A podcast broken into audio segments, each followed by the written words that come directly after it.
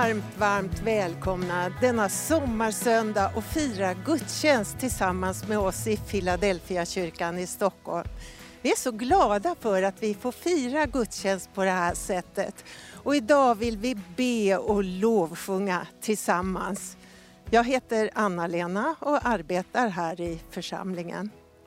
Jag heter Josef och idag ska vi få lyssna till eh, Lena Tellebo som ska predika om skatter i mörkret. Mycket spännande. Ja, vi vet ju att ni där ute befinner er på många olika platser, både här i Sverige och utomlands. Och vi tycker det är så roligt att få veta var ni befinner er. Det är ju semestertider också. Skriv gärna i chatten här längst ner var ni är idag. Och efter gudstjänsten så har vi som vanligt gemenskap i vårt digitala kyrkkaffe. Länken dit hittar du också i chatten. Ja, och än en gång, känn er varmt välkomna. Nu firar vi gudstjänst tillsammans.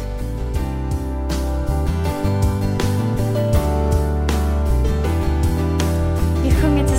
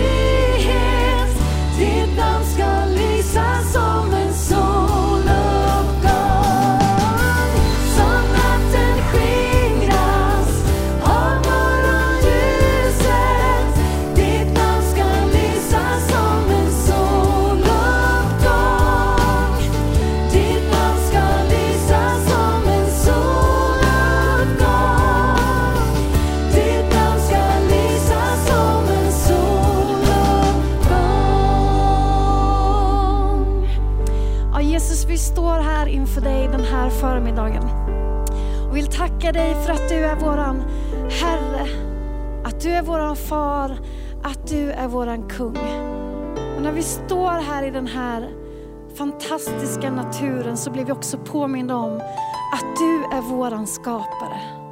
Du har skapat himmel och jord och du har skapat oss. Vi är så tacksamma för det livet som vi har.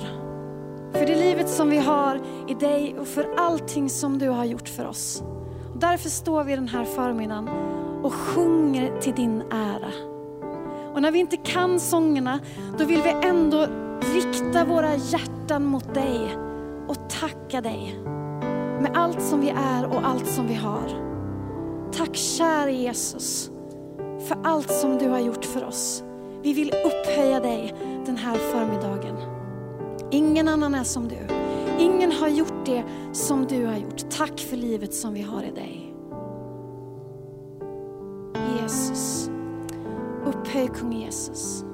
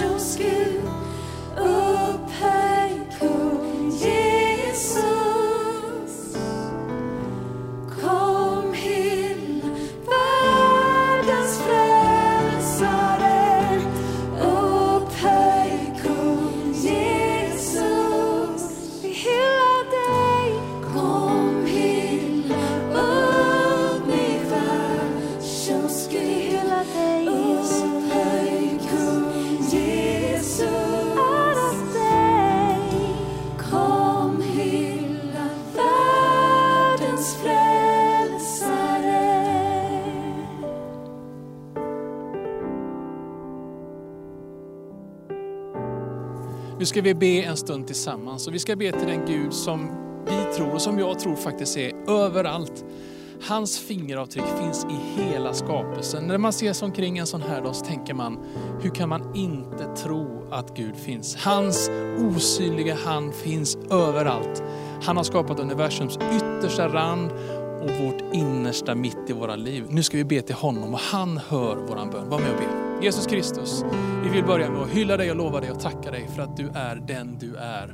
Tack för din godhet, för din nåd, din barmhärtighet och din omsorg.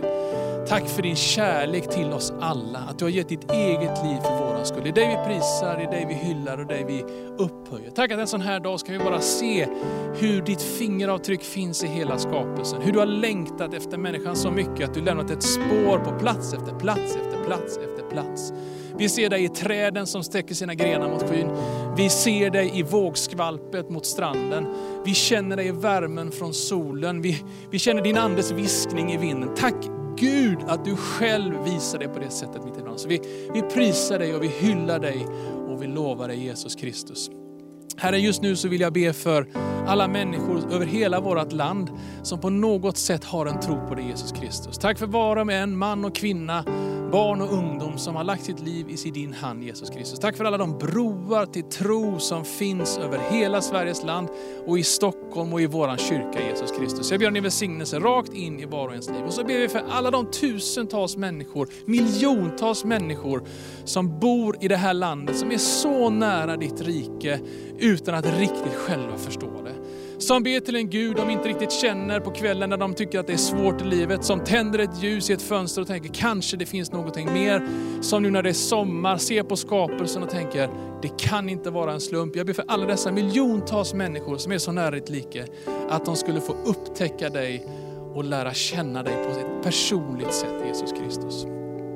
Sen vill jag då också på ett speciellt sätt lyfta alla människor som har nått en senior ålder. Man kanske är förbi pension och blivit lite äldre. Gud, jag tackar dig för människor som har gått före, som har banat väg för andra. Jag tackar dig för upptrampade stigar som jag har fått gå i. Jag tackar dig för axlar att stå på och trygg grund Jesus Kristus. Och så ber jag Gud för den fas som ligger framför människor som har gått in i pensionsålder och seniortid. Tack att det inte är över när man blir gammal, utan du lägger ut en ny vägsträcka Jesus Kristus. Så jag ber för människor som är lite äldre, om en liksom våg utav väckelse Jesus Kristus, där dela evangeliet, de goda nyheterna om dig skulle få växa bland äldre i hela vårt land och framförallt i Stockholm och i vår församling. Herre, vi ber om allt detta i ditt heliga namn. Tack att du som hör våra böner, du som vet allt och ser allt. Ja, men du tar emot detta och vi upphöjer dig och prisar dig och tackar dig. I Jesu Kristi namn jag ber. Amen. Nu vill jag välkomna Anna-Lena Johansson hit. Anna-Lena är ju ansvarig för vårt seniorarbete i Philadelphia församlingen och vi är så väldigt glada för det. Kul att få ha dig här med oss idag i gudstjänsten. Eh, kan inte du berätta lite? Jag tänker den här eh, pandemiperioden, ensamheten eh, har ju varit tuff för många människor. Men för är man lite äldre kan det vara ännu tuffare. Det sätter sig både i själen och i kroppen. Vad har vi gjort för någonting i Philadelphia för att på något sätt mothjälpa detta? Kan du berätta lite? Ja, först vill jag titta bakåt lite. Det är snart ett och ett halvt år sedan vi var i kyrkan. Vi brukar ha seniorsamlingar på tisdagarna. Men det är så länge sedan och vi vet att så många har haft det väldigt svårt under den här tiden. Den här isoleringen, sociala isoleringen, vare sig man är ensam eller två, det har tärt. Och ensamheten, den här ofrivilliga ensamheten, den har varit jättesvår och speciellt för många äldre så har den varit särskilt svår. Och vi vet också att de äldre har fått betala ett högst pris under den här perioden. Och vi som församling eh, vi, vi känner ju väldigt mycket för våra seniorer som betyder så mycket för gemenskapen också. Och vi har försökt på alla sätt att hålla kontakt. Telefonerna har gått varma. Eh, men alla svarar inte på ett nummer man inte känner igen, så det här är inte helt enkelt. Men jag har skrivit väldigt många vykort och man kan mejla och här på senare tid i påskas så gjorde vi väldigt många hembesök. Knacka på dörren, sågs i tamburen eller utanför huset med en liten påskgåva. Och många, många böner har betts i trappuppgångar. Och det är fantastiskt. Ja, men det, är, så oerhört gott att höra. Det är den här ofrivilliga ensamheten som ju tär på så många människor och att vi sträcker ut från hand och hjälper så många vi bara kan. Tack för det fantastiska arbete som du och många andra gör. Nu börjar ändå fler bli vaccinerade och vi kan ju faktiskt se en ljusning i andra änden av tunneln. Vad skulle du säga till den personen som är liksom något äldre, man är senior, nu när det börjar komma igång med saker och ting successivt. Vad är liksom ditt råd? Ja, men nu börjar vi ju se ljuset verkligen. Men vi har en bit kvar och vi måste ju lyssna på myndigheterna och Sverige och Stockholm kommer lite sent ut.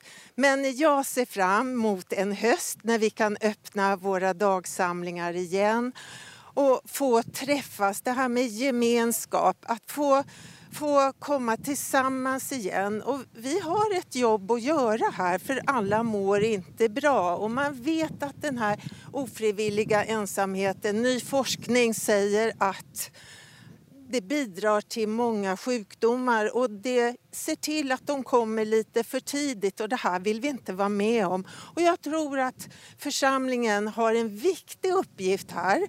Att vi, vi ska samlas och vi ska också hjälpa dem som inte orkar att ge sig ut. För det här har gjort väldigt mycket med många och man har inte rört sig, man har kanske inte pratat med så många. Vi har ett stort jobb att göra. Och jag ligger i startgroparna inför hösten att vi ska få gemenskap och att vi ska också få prata med varandra och dela det här jobbiga som har varit så att vi kan göra oss av med det. Det finns mycket sorg och det finns mycket smärta och det finns många Ja, det finns många saker som har hänt under den här tiden som har varit särskilt, särskilt svåra. Och det känner jag som församling att vi får finnas där, det är en förmån. Och jag måste berätta, en gammal dam, 94 år, ni vet de längtar ju så till att få komma till vår nyrenoverade kyrka. Och den är ju bättre handikappanpassad än förut. Och då säger den här damen, Åh Anna-Lena, när kyrkan öppnas, jag kommer lägga benen på ryggen och springa över Sankt Eriksbron, jag ska vara först. Det, det ser jag fram emot. Det kanske blir som ett kosläpp, fast ett seniorsläpp istället. Det är bara yr in glada seniorer över alla broar från Sankt Eriksplan. Det ser längtar vi Ja, efter. men det längtar vi efter. Och jag hoppas du också längtar efter när vi får dra igång med gudstjänster och fysiska samlingen. Vi ser fram emot att se dig. Tack Anna-Lena. Tack. Eh, när, jag, när jag växte upp så växte jag upp i en liten kyrka på landet. Vi var en bra söndag, kanske 100 personer ungefär på en gudstjänst. Och då var det väldigt fullt. Jag tyckte det var mycket människor. Eh, då var det ganska mycket folk på alla stolar. Men det fanns alltid två platser där man visste att det skulle vara upptaget. Det var två platser som var lite till höger i kyrkan mot mittgången men lite längre fram. Så pass långt fram som man, som man liksom kände att man var inne och med men tillräckligt långt bak för att inte vara liksom mötesledare eller medverkande. Man såg predikstolen bra, man hörde kören, kunde vara med i det som hände. Och där satt alltid Elna och Sigon. Och jag, jag var uppväxt i församlingen och jag tyckte att de var gamla redan från när jag var liten. Och när jag fortsatte växa så, så blev de ju ännu äldre. Eh, och så kom det en tid, ja, men, när jag märkte att Sigon blev tunnare och tunnare och tunnare. Och jag förstod, fast jag inte var så gammal, att han, han var sjuk, det var inte bra. För Elna och Sigon så hade församlingen varit en otroligt viktig hållpunkt i deras liv. En slags fast plats att återvända till. Jag minns dem som, jag minns dem som bedjare. Jag kunde se dem be för andra människor. Jag minns när de blev bädda för. Jag såg hur de engagerade sig i församlingen, både praktiskt och i, i gudstjänstlivet. Och hur de både bar andra och själva blev burna. Sigon blev tunnare och tunnare och en dag så kom jag till kyrkan och då var den platsen tom där han alltid hade suttit. Jag förstod att han hade fått flytta hem till Herren. Att han hade fått sluta sina dagar. Och bredvid honom, där han skulle suttit, där var det tomt och bredvid där satt Elna ensam kvar. Jag var inte så gammal när detta hände, men jag är säker på att den församling som Sigon engagerade sig i, som han bad för människor i, där människor bad för honom och där han fick engagera sig, där han fick finna mycket kärlek och glädje. Den församlingen bar sedan Elna under den här svåra tiden i hennes liv. Nu ska du få vara med och ge pengar. Och när du ger pengar idag så tänker jag att du är med och ger pengar till precis en sådan plats. Det vi formar i våra kyrkor, det är en sådan plats där det finns en stol för dig att sitta på. En plats där du kan få be för någon annan, där du kan få bli bedd för i svåra situationer. En plats där kärlek finns, där gemenskap finns, där du kan få lyssna på Guds ord och där Jesus själv faktiskt berör dig. Och skulle du någon gång komma i prövning, som Elna gjorde, ja men då kommer församlingen hjälpa dig och bära dig. Och det kommer vara en plats där du ständigt kan få liksom vara hemma. En sån plats formar vi. Så jag vill utmana dig och uppmuntra dig till att vara med och ge idag så vi kan forma sådana platser över Stockholm och över hela vårt land. Tänk på din lokala församling och var gärna med till Philadelphia du också. Så nu ger vi och under tiden ska du få lyssna på lite fantastisk pianomusik.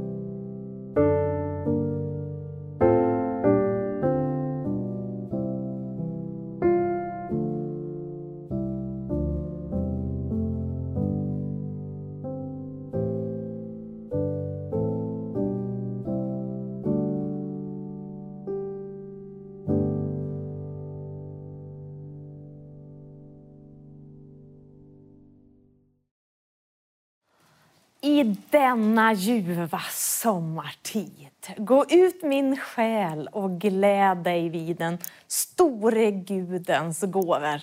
Vilken underbar sommarmelodi vi fick lyssna till. Och mitt i det där så ska jag tala om mörker. Det kan ju låta märkligt det där, men du vet att livet består ju både av ljus och mörker. Och jag vet att både du och jag har erfarenhet av det också. Och det där mörkret som ibland, ja det kan ha varit nu under pandemin. Eller en sorg som har drabbat, eller en sjukdom, eller något i familjen, eller kanske något på arbetet, eller vad än det är. Så vet ni, ibland så blir det där mörkt. Och ibland är det så mörkt som man har svårt att tro att det ska finnas någon förändring. Det är som att det känns som att man är fast i det där mörkret. Och ibland kan det ju vara att jag har ställt till något själv som gör att jag hamnat i det där mörkret. Om man skulle försöka definiera vad mörker är så kan man ju ställa frågan vad är det och vad gör det med för, för att det påverkar våra liv? Så är det. Om jag skulle ge mig på det så tänker jag så här att mörker det är att jag inte kan se. Eller åtminstone har väldigt, väldigt svårt att se. Att jag inte kan orientera mig riktigt. Jag vet ju inte vad jag är och det gör också att jag kan inte hitta en riktning. Det kan också vara så att mörkret föder en rädsla i mitt liv. För jag vet inte hur det är omkring mig. Eller till och med så att det kan vara så att jag anar saker som egentligen inte finns. För det är en känsla av att något vill mig illa i mörkret.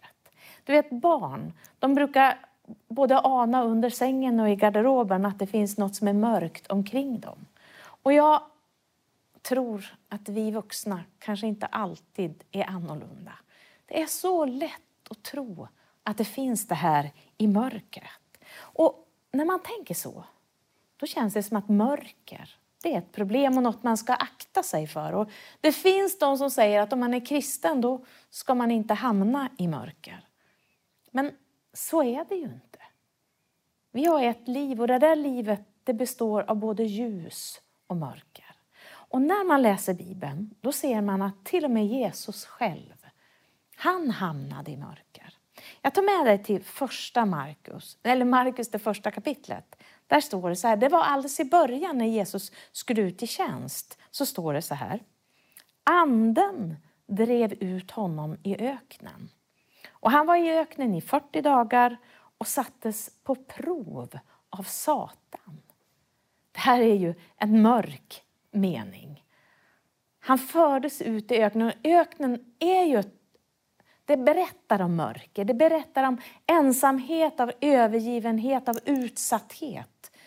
Och så dessutom bli prövad. Det var mörker. Och så står det att anden drev ut Jesus. Det där har varit så svårt för mig att förstå, men vi ska titta på det här lite senare. Vi ska återkomma till resten av den här versen sen. Men jag har ju lärt mig, som det står i första Johannes brev, så står det så här. Gud är ljus och inget mörker finns i honom. Och då vore ju en enkel lösning det där att jag håller mig bara till honom så kommer det inget mörker. Men så där är det inte. Utan mörkret kommer. Kanske att du upplever det just nu. Vi tar ett bibelord till från psalm 139. Om jag säger mörker må täcka mig, ljuset omkring mig blir natt då är inte mörkret mörkt för dig. Natten är ljus som dagen. Själva mörkret är ljus. Mörkret finns och vi upplever det och det påverkar oss och våra liv. Men för Fadern, Sonen och den helige Ande är det annorlunda. Mörkret är inte mörkt.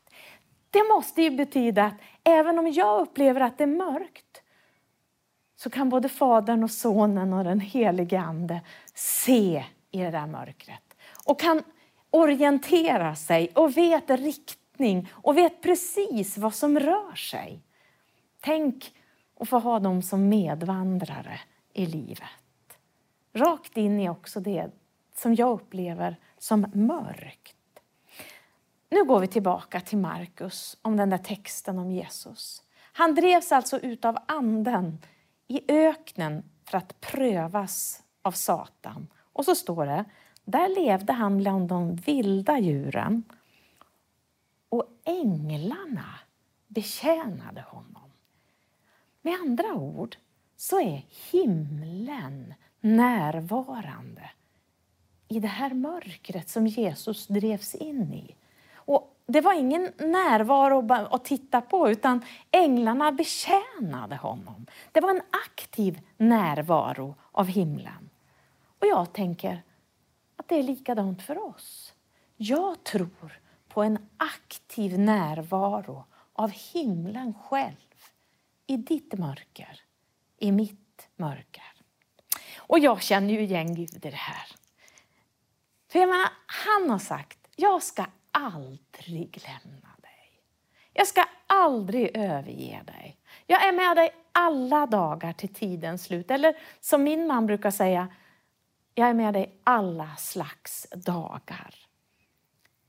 Och inte nog med det.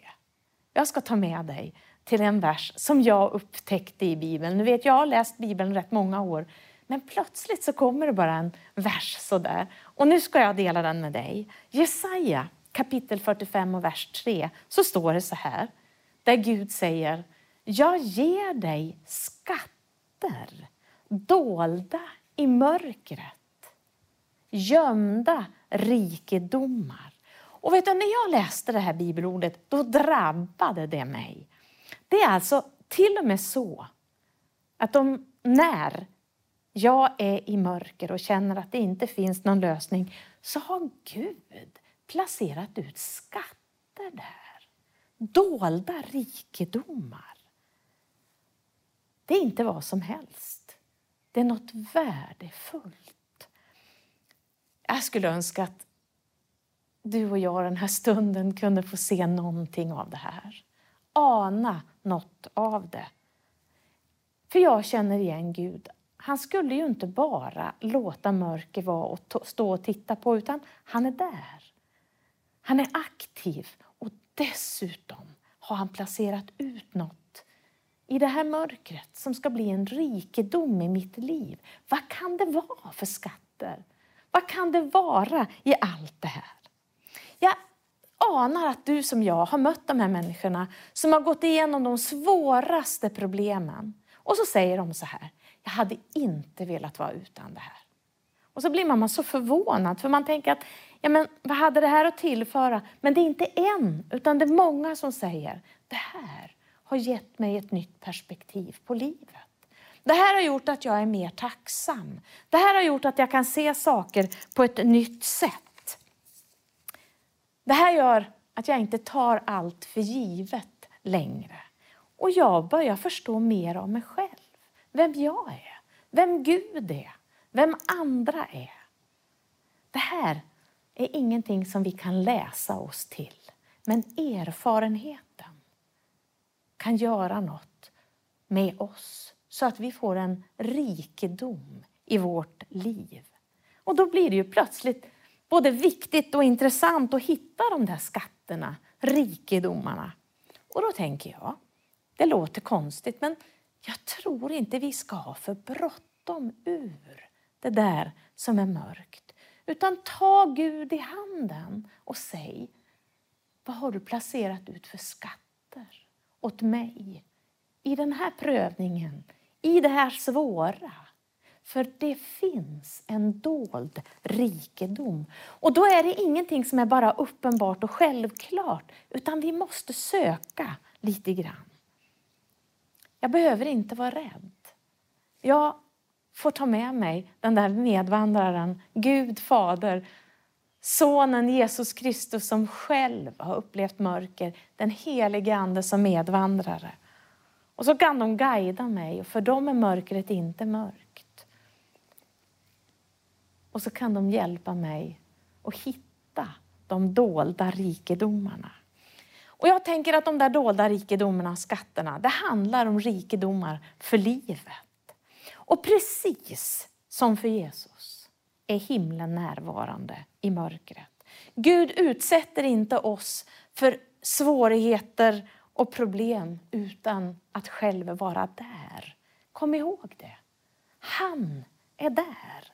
Han överger oss inte. Han vill leda oss igenom. Men han vill också ge oss sina skatter som en tillgång, en rikedom i livet. Nu vill jag ge dig det här bibelordet en gång till ifrån Jesaja 45 och 3.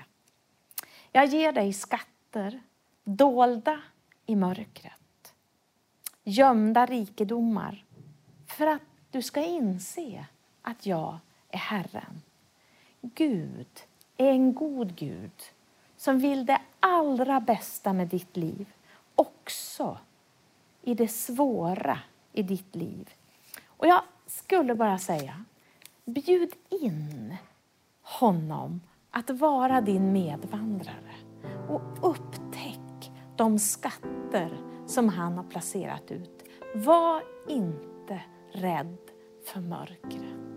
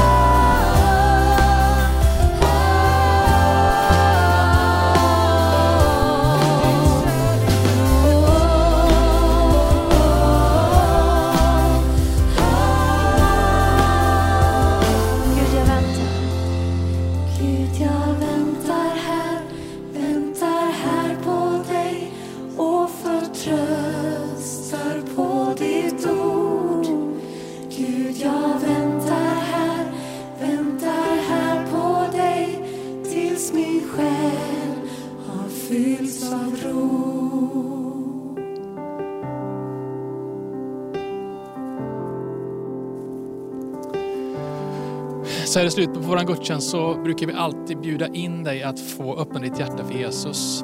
Och det är en öppen och allmän inbjudan som jag är så glad att få ge till alla människor. Om du inte öppnat ditt hjärta för Jesus så vill jag bara uppmuntra dig att göra det. Du kan göra det genom att be en enkel bön. Jesus har öppnat mitt hjärta för dig. Du är välkommen in.